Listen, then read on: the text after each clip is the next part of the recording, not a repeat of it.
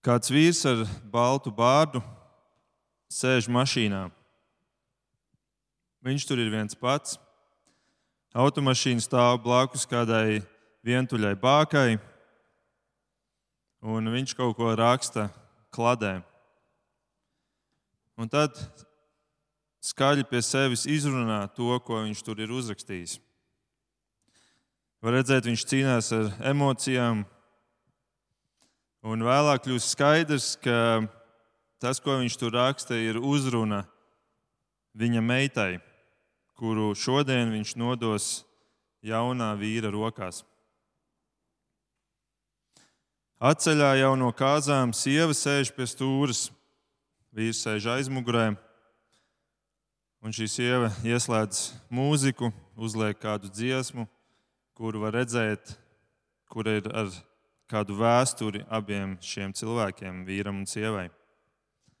Un tad viņi paskatās viens uz otru caur spoguli un pasmaida. Tas ir stāsts no kādas Volvo auto reklāmas. Un šo reklāmu es savā darbā reizēm parādu klientiem. Tie, kur nezina, es eh, ikdienā strādāju kā um, dizainers, veidoju mājaslapas. Un tad es viņiem parādu šo reklāmu, un uzreiz pēc tam es uzlieku otru reklāmu. Un tā ir kādas BMW automašīnas reklāma. Tajā savukārt redzams vīrietis, kurš iekāpja automašīnā, bet kamera uzreiz pievēršas auto detaļām. Parāda tur lāzeru LED gaismas, kas ir iebūvētas šajā jaunās paudzes mašīnā. Žēstu vadības paneli ar rokām pacēla pavicinu un tur kaut kas ieslēdzās, izslēdzās. Ar pulti vadāmi krēsli, izbrauc galdiņš un tā tālāk tiek piezūmots prēmijuma klases stumbām. Un tagad šī reklāma ir beigusies, tad es klientam pajautāju, kas jūsuprāt ir tā būtiskā atšķirība starp šīm divām reklāmām, starp šo pirmo un otro. Atšķirība ir tajā, kādu jautājumu tās atbild. Uz kādu jautājumu tās sniedz atbildi. BMW reklāma pievērš jautājumam, kas, kas tas ir par auto.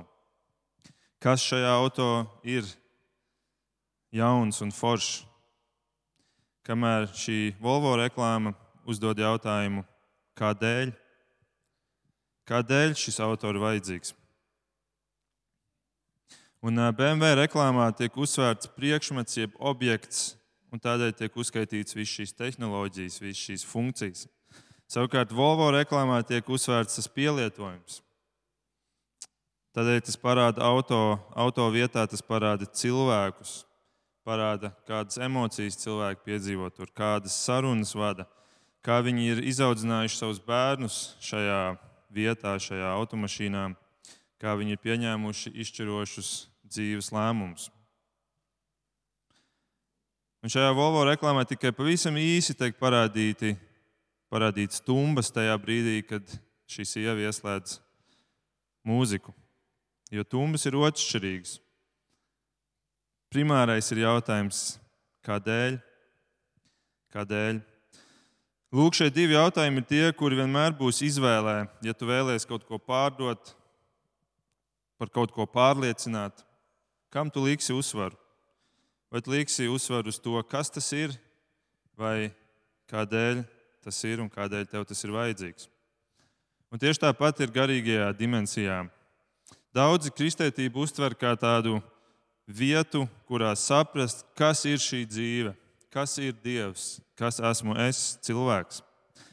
Un mēs varētu teikt, viņiem ir taisnība. Kristētība to tiešām arī atklāja. Bet man pieredze rāda, ka tikai rētais, pat kristiešu vidū, rētais uzdod jautājumu, kādēļ šī dzīve? Kādēļ gal galā mēs vispār šeit esam, kādēļ cilvēks ir radīts? Un pats lielākais jautājums, kādēļ vispār pasaule tika radīta? Kādēļ?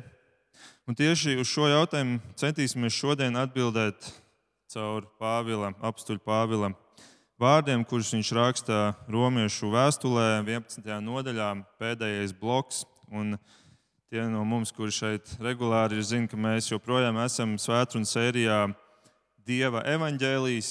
Mēs viņu tā esam nosaukuši, proti, sērija no Pāvila vēstules romiešiem. Un es aicinu jūs arī atvērt 11. Eh, nodaļu, un mēs no 25. panta apskatīsim to pēdējo bloku.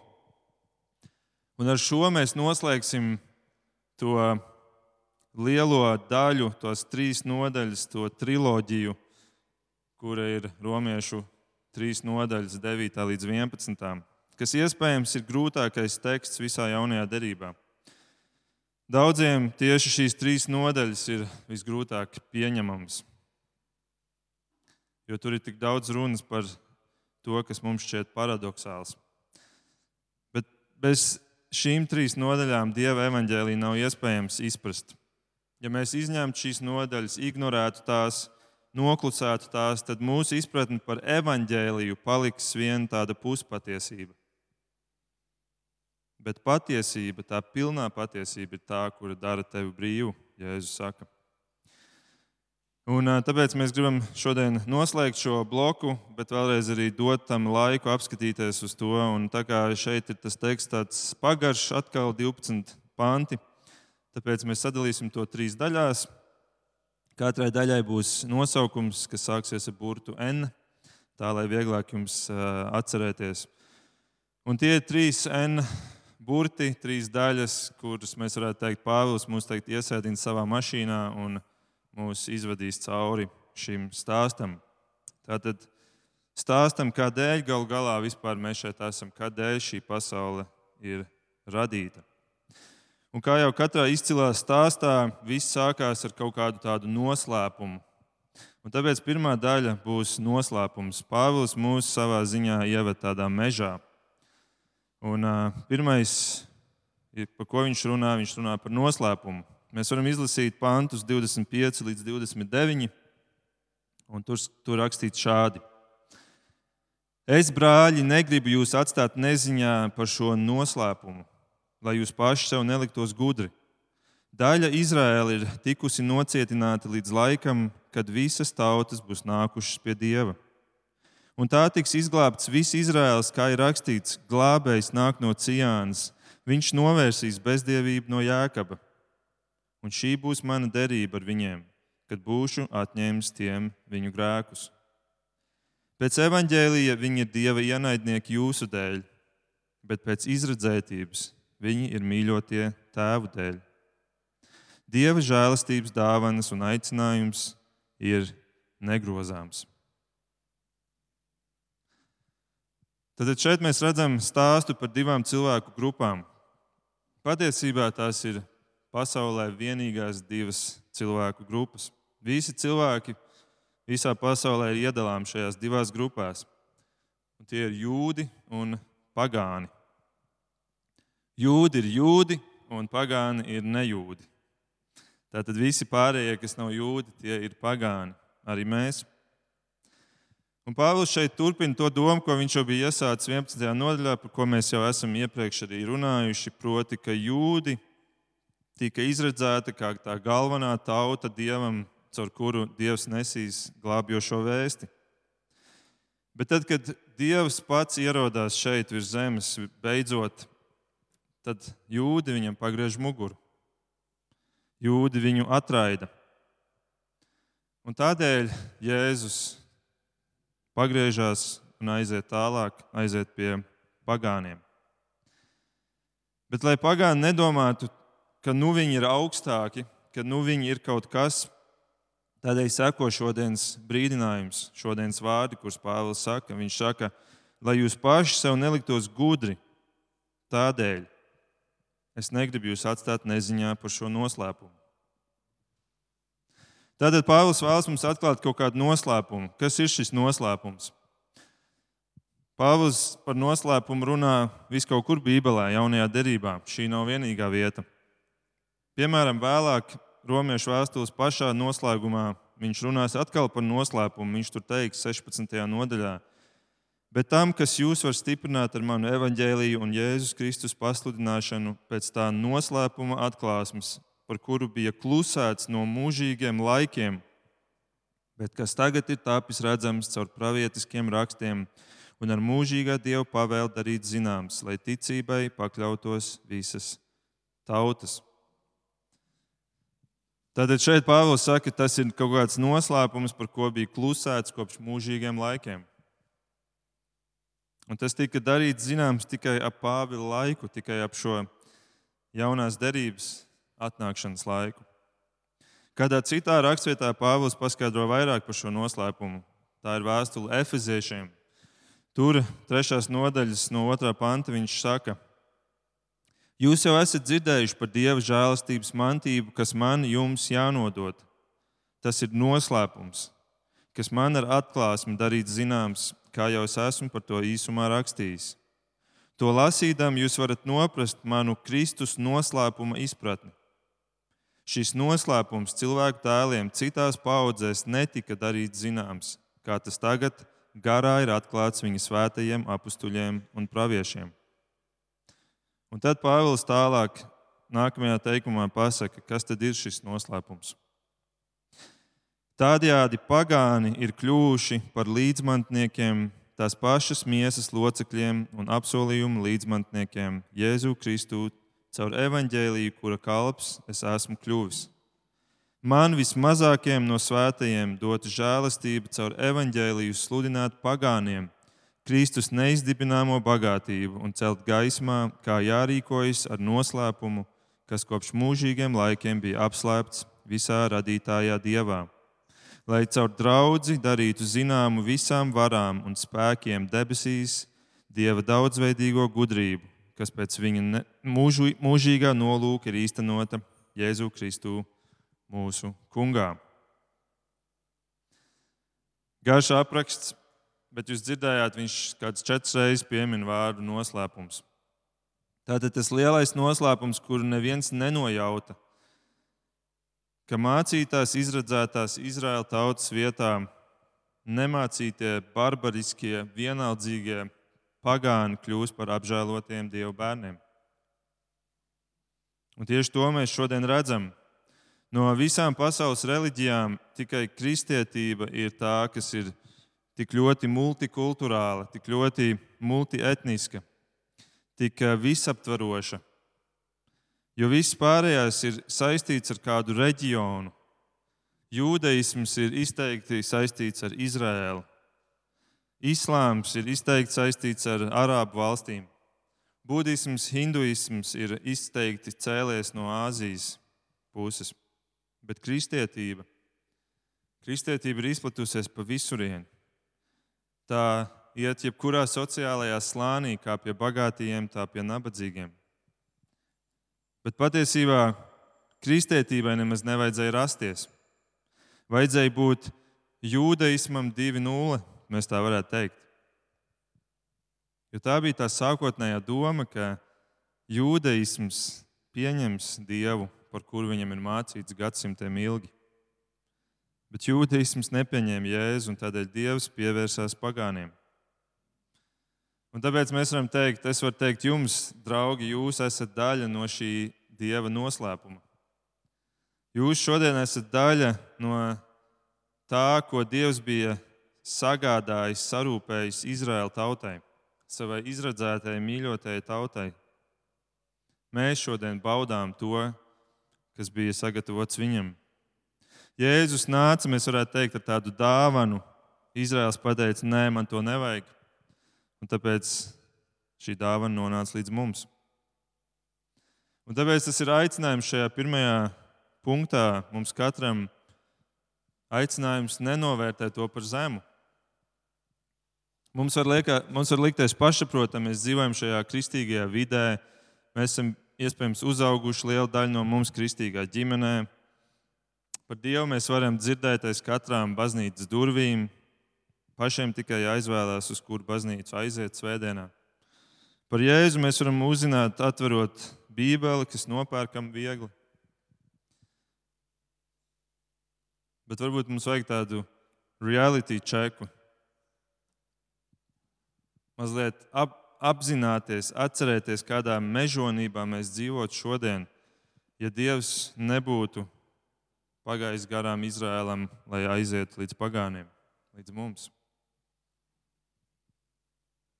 Mēs dzīvotu kaut kur tādā situācijā, kādā ir Arābu valstis, no kurām bēgļi mūk tieši uz kristīgiem rietumiem.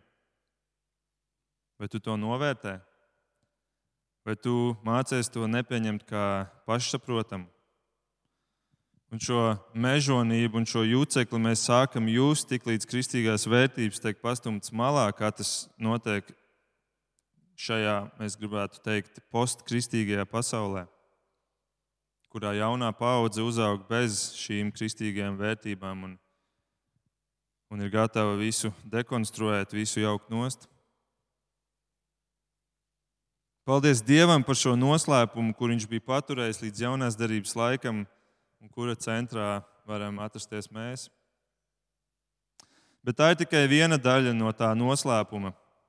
Jo otra daļa ir tā, ka pats Izraels arī tomēr beigās nonāks pie Dieva. Un tas arī ir noslēpums. Daudzi domā, ka nu, jā, Izraels pats vainīgs, pagriez muguru, Viņi varēja, viņiem bija tik daudz dots, nu viņi paši ir vainīgi. Bet tas, ko šodien Pāvils šajā tekstā pasaka, ir vēl viena daļa no šī noslēpuma, ka Izraels beigās arī pagriezīsies pretī Dievam un pieņems viņu. Un tas līdzeklis šim, šim notikumam būs tieši tas pats līdzeklis, kādu mēs esam izmantojuši. Un tas līdzeklis ir otrais punkts, un tā ir nepaklausība. Nepaklausība.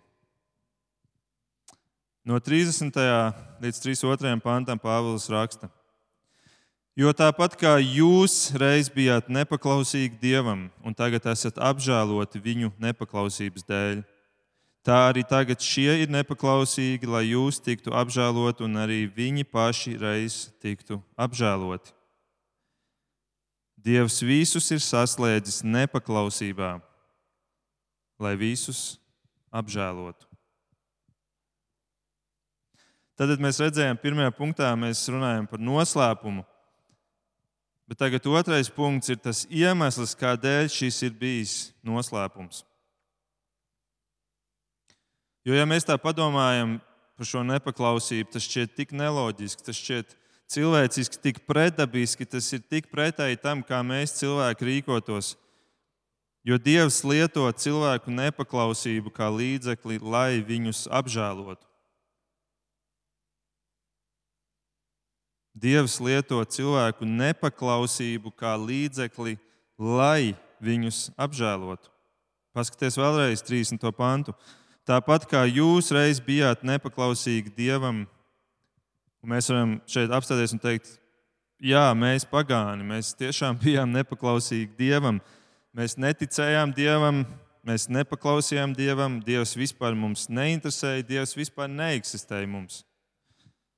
Palasi Latvijas tālo vēsturi, un tu redzēsi, cik patiesi šie vārdi ir, no kurienes mēs nākam. Un viņš saka, tāpat kā jūs reiz bijāt nepaklausīgi Dievam, un tagad esat apžēloti viņu nepaklausības dēļ. Redziet, tad iemesls mūsu apžēlošanai ir viņu jūdu nepaklausība. Mūsu nepaklausība tika anulēta tādēļ, ka viņi bija nepaklausīgi. Tu esi kādreiz pateicis jūdiem paldies? Paldies par to, ka tu šodien vari ticēt Dievam.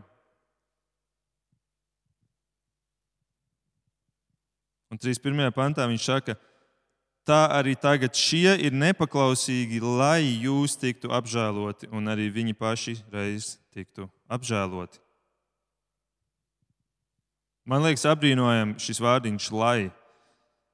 Viņi bija nepaklausīgi, lai mēs tiktu apžēloti. Tas ir mazliet citādāk nekā teikt, viņi bija nepaklausīgi, viņi paši vainīgi, un tāpēc nu, kā plāns B, tagad jūs esat. Izrādās, Dievs saka, Viņi bija nepaklausīgi, lai jūs tiktu apžēloti. Kaut kādā ziņā tas viss ir uz viņu rēķina, ko mēs šodien šeit saņemam.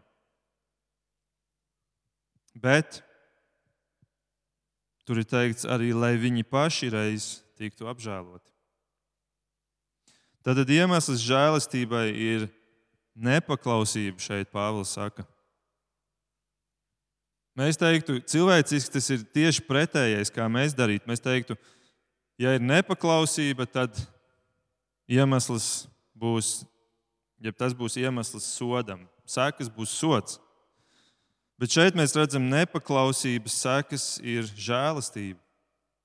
Nepaklausība kļūst par iemeslu žēlastībai. Tāds lūk ir Dievs, tik pretējs mums, tik pretējs mūsu domāšanai.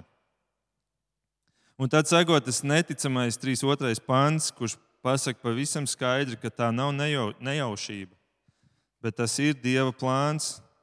Jo tur ir teikts, un Pāvils tiešām uzdrošinās teikt šo, viņš saka, Dievs visus ir saslēdzis nepaklausībā, lai visus apžēlotu.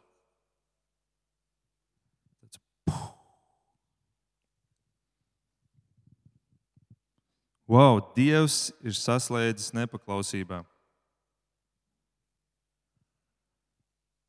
Es esmu diezgan daudz dzirdējis tādu viedokli, ka šodienas nepaklausība mūsu sabiedrībā un kristīgajā baznīcā liecina par to, ka Dievs ir zaudējis kontroli. Vai viņš ir pagriezis muguru? Un tāpēc notiek tas viss, kas notiek mums apkārt.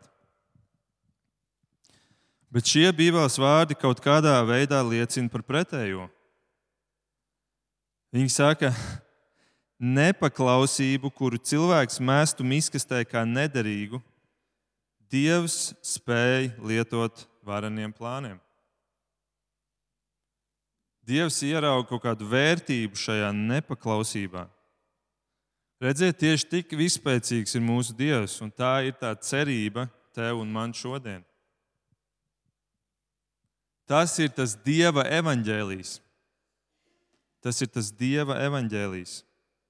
Ka žēlastība spēja nākt tur, kur ir bijusi nepaklausība. Un ne tikai spēja nākt, bet tā tiešām ir nākusi. Tā ir nākusi un tā ir nākusi par mūsu tautu, par mums pagāniem. Tikai sapratīsim to pareizi. Es teicu, ka tā ir tava cerība, nevis tavs attaisnojums. Attaisnojums, lai turpinātu dzīvi grēkā un nepaklausībā. Ja tu nožēlo, ka tu esi maldījies, ja es nožēloju, ka es esmu maldījies, tad man ir cerība ar šo Dievu, ar šo Jēzu Kristu. Man ir cerība, un tā cerība ir līdz tavs dzīves pēdējiem sirdspūkstam. Paskatieties vēlreiz uz šo apbrīnojamo 32. pantu. Dievs visus ir saslēdzis nepaklausībā, lai visus apžēlotu. Vai jums nebija uzreiz jautājums, pagaidiet, pagaidiet, lai visus apžēlotu? Pāvils te māca universālismu, proti, ka beig beigās visi tiks izglābti. Es zinu, ka man kāds vīrs bērnībā teica, ka viņam liekas, ka Bībele māca, ka beigās tomēr visi tiks izglābti. Ka Dievs jau ir tik mīlošs, ka nu, nevar būt, ka kāda aizies uz ēli. Beigās visi tiks apžēloti.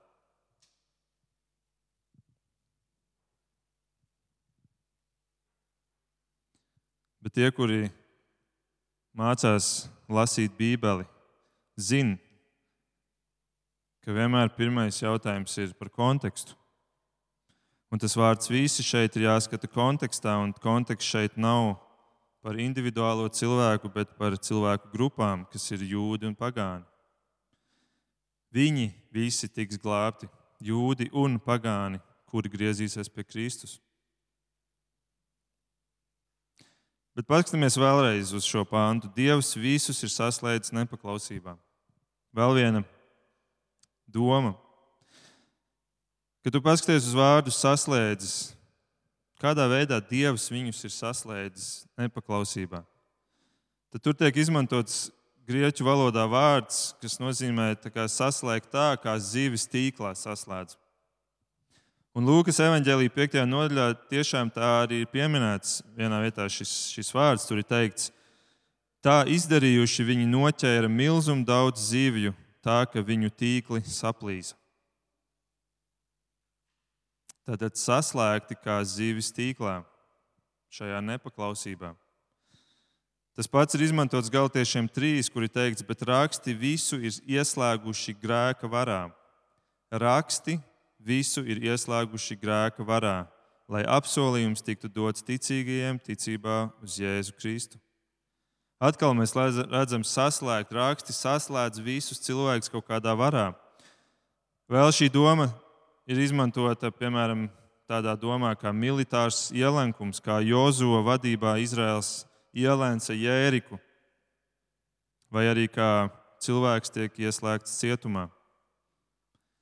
Un te mēs redzam, ka visi ir ieslēgti nepaklausības cietumā, nepaklausības tīklā, nepaklausības ielenkumā, kurā Dievs ir paredzējis tikai vienu izēju. Un tā ir Dieva dotā apžēlošana caur Jēzus nāvi. Neviens cilvēks pats ar, savām, ar savu gudrību, ar saviem darbiem nevar tikt ārā no šī ieslodzījuma. Tikai viens ceļš, un tā ir dieva apžēlošana. Izraels tiks ārā tikai tāpēc, ka Dievs viņus apžēlos. Mēs pagāni esam tikuši ārā tikai tāpēc, ka Dievs mūs ir apžēlojis. Un te ir jāpiemina, ka Dievs nesaslēdz cilvēkus pret viņu gribu. Dievu mēs nevaram vainot, ka, ka Viņš ir ieslēdzis cilvēkus kaut kādā nepaklausībā, Un ko tad tas Dievs vēl no viņiem var prasīt, ja jau viņš pats to ir izdarījis? Dievs nav jāvaino, jo viņi paši ir grēkojuši no savas brīvās gribas, un tad, kad viņi grēko, tad viņi saslēdz sevi šajā, šajā grēkā, nepaklausībā un eh, padara savu gribu nebrīvu.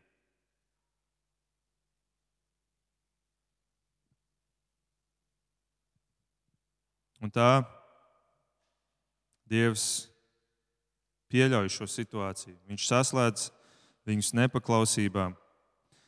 Bet viņš nav vainīgs, līdzīgi kā tiesnesis nav vainīgs, ja viņš notiesā noziedznieku uz ieslodzījumu cietumā.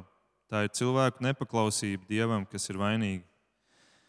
Bet Dievs izmanto šo nepaklausību apbrīnojamā kārtā nevis, lai viņus atstātu tur uz mūžīgu ieslodzījumu, bet lai viņus apžēlotu. Tā tas ir bijis ar pagāniem, tāds būs ar jūdiem. Un, un tava un mana dzīve ir pilna nepaklausības. Jautājums ir, ko mēs ar to darīsim? Tava un mana nepaklausība droša tikai Dieva rokās, jo tikai Viņa rokas spēj strādāt ar šo materiālu. Un, zini, ja tu esi noguris no vis tā, ko tu dziļi sevī zini, ka tā ir nepaklausība, ka tas ir nepareizi, un ja tu apzinājies, ka šīs zemes dzīves beigās, beigas pienāks drīz, kā tas pienāk visiem, un ja tu apzinājies, ka tava dzīve tiks atritināta tavu acu priekšā un noskries tev gar acīm, viss tas, ko tu esi darījis,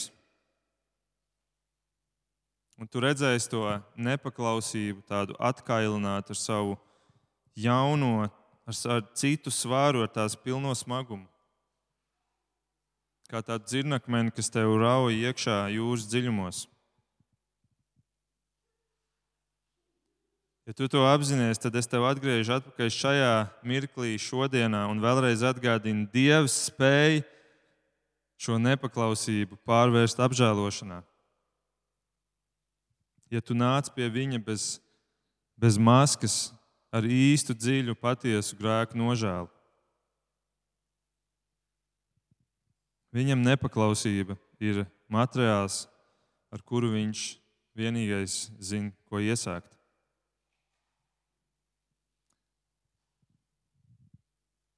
Varbūt jūs jautājat, vai tad Dievs priecājas par nepaklausību? Viņam patīk, vai šis teksts saka, ka viņam, viņš gaida to, viņš, viņš vēlas to? Nē, protams, ka nē. Dievs priecājas par paklausību. Bet tas ir ļoti labs jautājums, kur tu uzdevi, jo tas pagriež mūsu pretī tam gala jautājumam. Kādēļ tad Dievs radīja šo pasauli?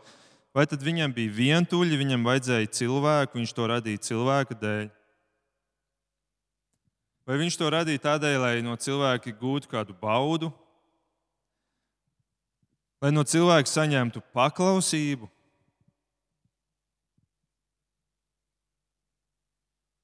Ja jā, tad Dievs ir smagi izgāzies.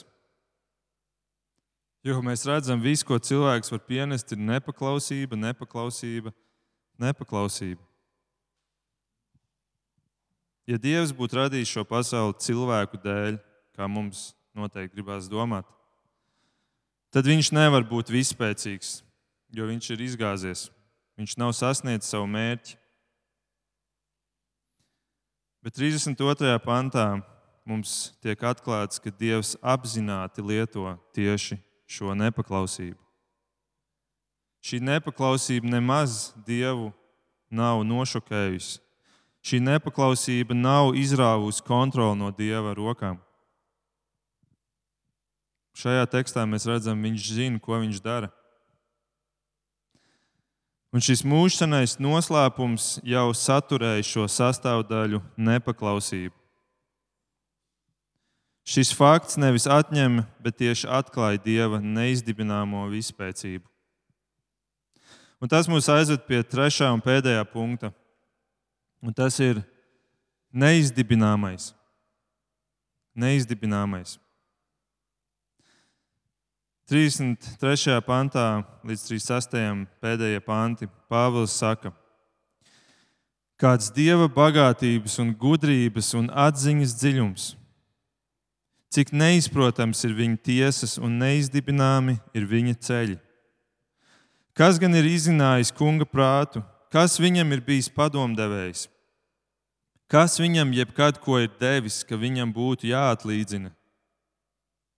Jo no viņa un caur viņu un uz viņu ir viss.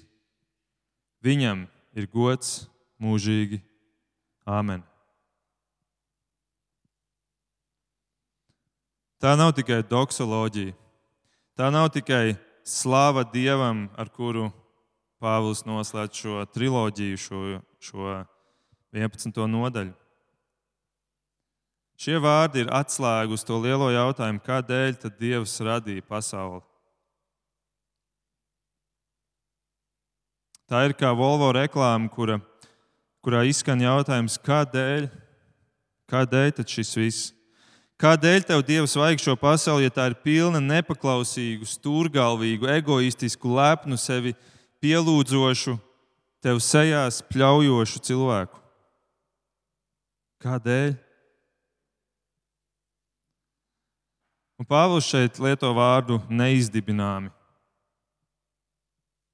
Un es arī varētu principā noslēgt ar šo. Es varētu pateikt, tā ir tā atbilde. Kādēļ pasaule radīta? Tas ir neizdibināmi. Tas ir lielais neizdibināmais. Un jūs teiktu ļoti labi, kāda varbūt priecātos, jo svētdiena būs noslēgusies. Bet kādi teiks, jā, šī ir tā atbilde. Un vispār es esmu novērojis, ka cilvēkiem ļoti patīk citēt šo tekstu. Dieva ceļi ir neizdibināmi. Katru reizi, kad vajag runāt par kādu grūtāku tematu, tad Dieva ceļi ir neizdibināmi kā attaisnojums, lai nebūtu jārokas dziļāk. Bet tas, ko Pāvils šeit dara, viņš nenoslēdz ar šiem vārdiem. Viņš savā stāstā mūs ved ar savu auto garām lielai, skaistai ēkai ar uzrakstu Neizdibināmais. Un šīs ēkas priekšā stāv kāds vīrs vārdā Jesaja kuru Pāvils citē šeit, sakām mūsu ievadā lasīto Iesais 40, kurā ir tas šie jautājumi, kas gan ir izzinājis kunga prātu, kas viņam ir bijis padomdevējs, kas viņam jebkad ko ir devis, ka viņam būtu jāatlīdzina. Tur stāv šis iesēja un, un saka šos vārdus. Un mēs viņam piekrītam, jā, dieva ceļi ir neizdibināmi, bet Pāvils pie šīs ēkas neapstājās. Viņš tikai mazliet piebremzē. Jo tur tālu priekšā, gan arī vai mēs varētu teikt, pasaules galā stāv vēl viena būve. Skaista, stalta, vientuļa. Būve, kas met gaismu uz visām debesu pusēm vāka. Un uz tās ir rakstīts no viņa un caur viņu un uz viņu ir viss.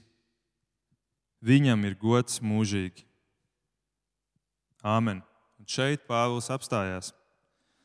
Šie ir pēdējie vārdi šajā lielajā triloģijā, šajās trīs nodaļās. Pāvila secinājums ir, viss ir Dieva godam. Dievam no kā viss nāk, kam viss ir domāts, uz kuru visi ceļi ved. Viss ir Dieva godam. Šī pasaule ir radīta, lai caur to Dievs saņemtu sev godu. Un, ziniet, viņš šo mērķi sasniedz. Jo viņš saņem godu gan no katra, kurš ir nepaklausīgs, un tomēr tiek apžēlots. Bet viņš saņem arī godu no katra, kurš ir nepaklausīgs un izvēlās palikt savā nepaklausībā un taisnīgi iet pazušanā. Dievam tiek gods par viņa žēlastību un par viņa taisnīgumu. Dievs ir taisns un vienlaikus žēlsirdīgs. Un šī pasaule ir radīta tādēļ, lai Dievs saņemtu šo godu. Šīs pasaules centrā nav cilvēks, bet Dievs. Šī pasaule nav radīta cilvēka dēļ, bet Dieva dēļ.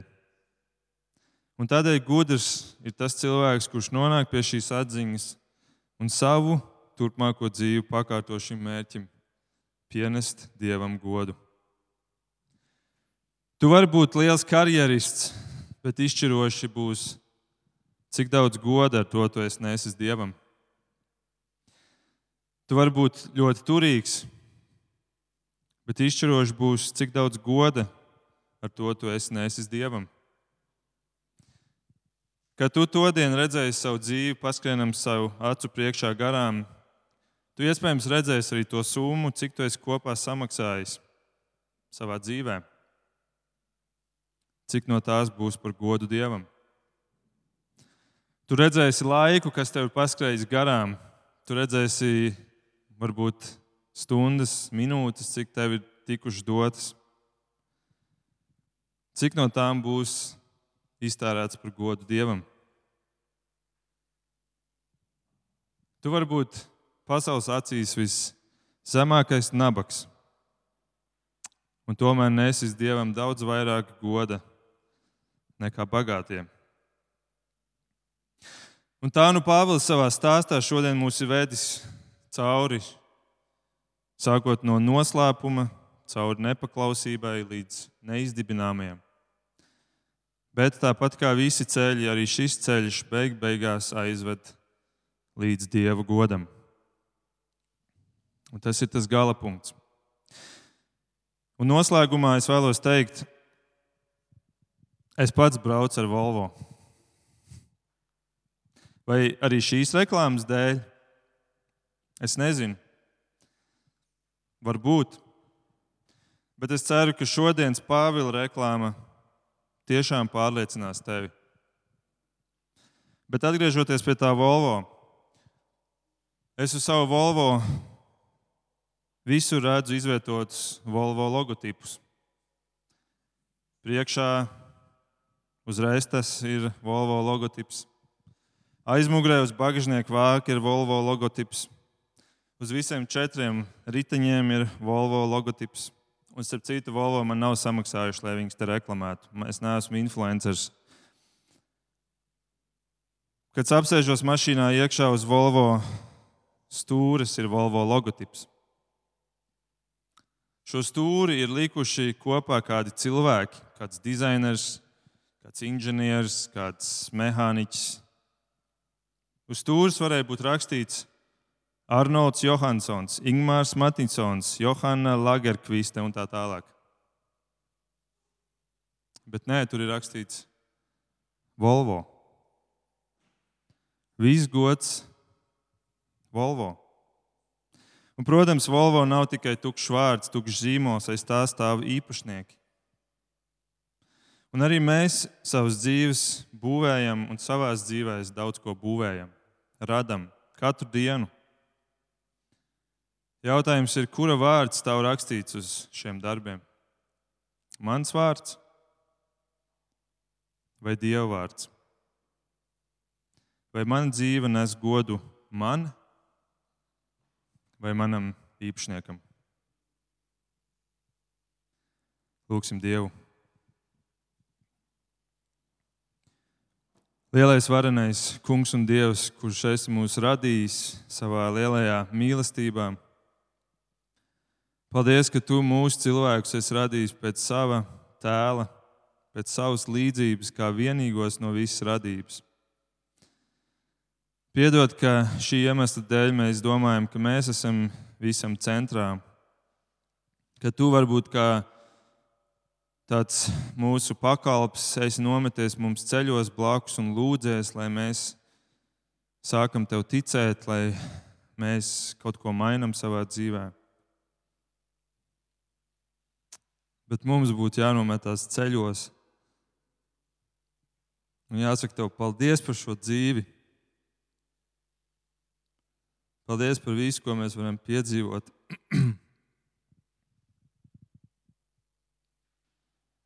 Paldies, ka tu mums esi devis talantus, rokas, kājas, acis. Ka mēs varam darīt darbus, radīt lietas šajā dzīvēm. Lūdzu, dod, kungs, ka mēs arī spētu par to visu pienest tev godu. Amen.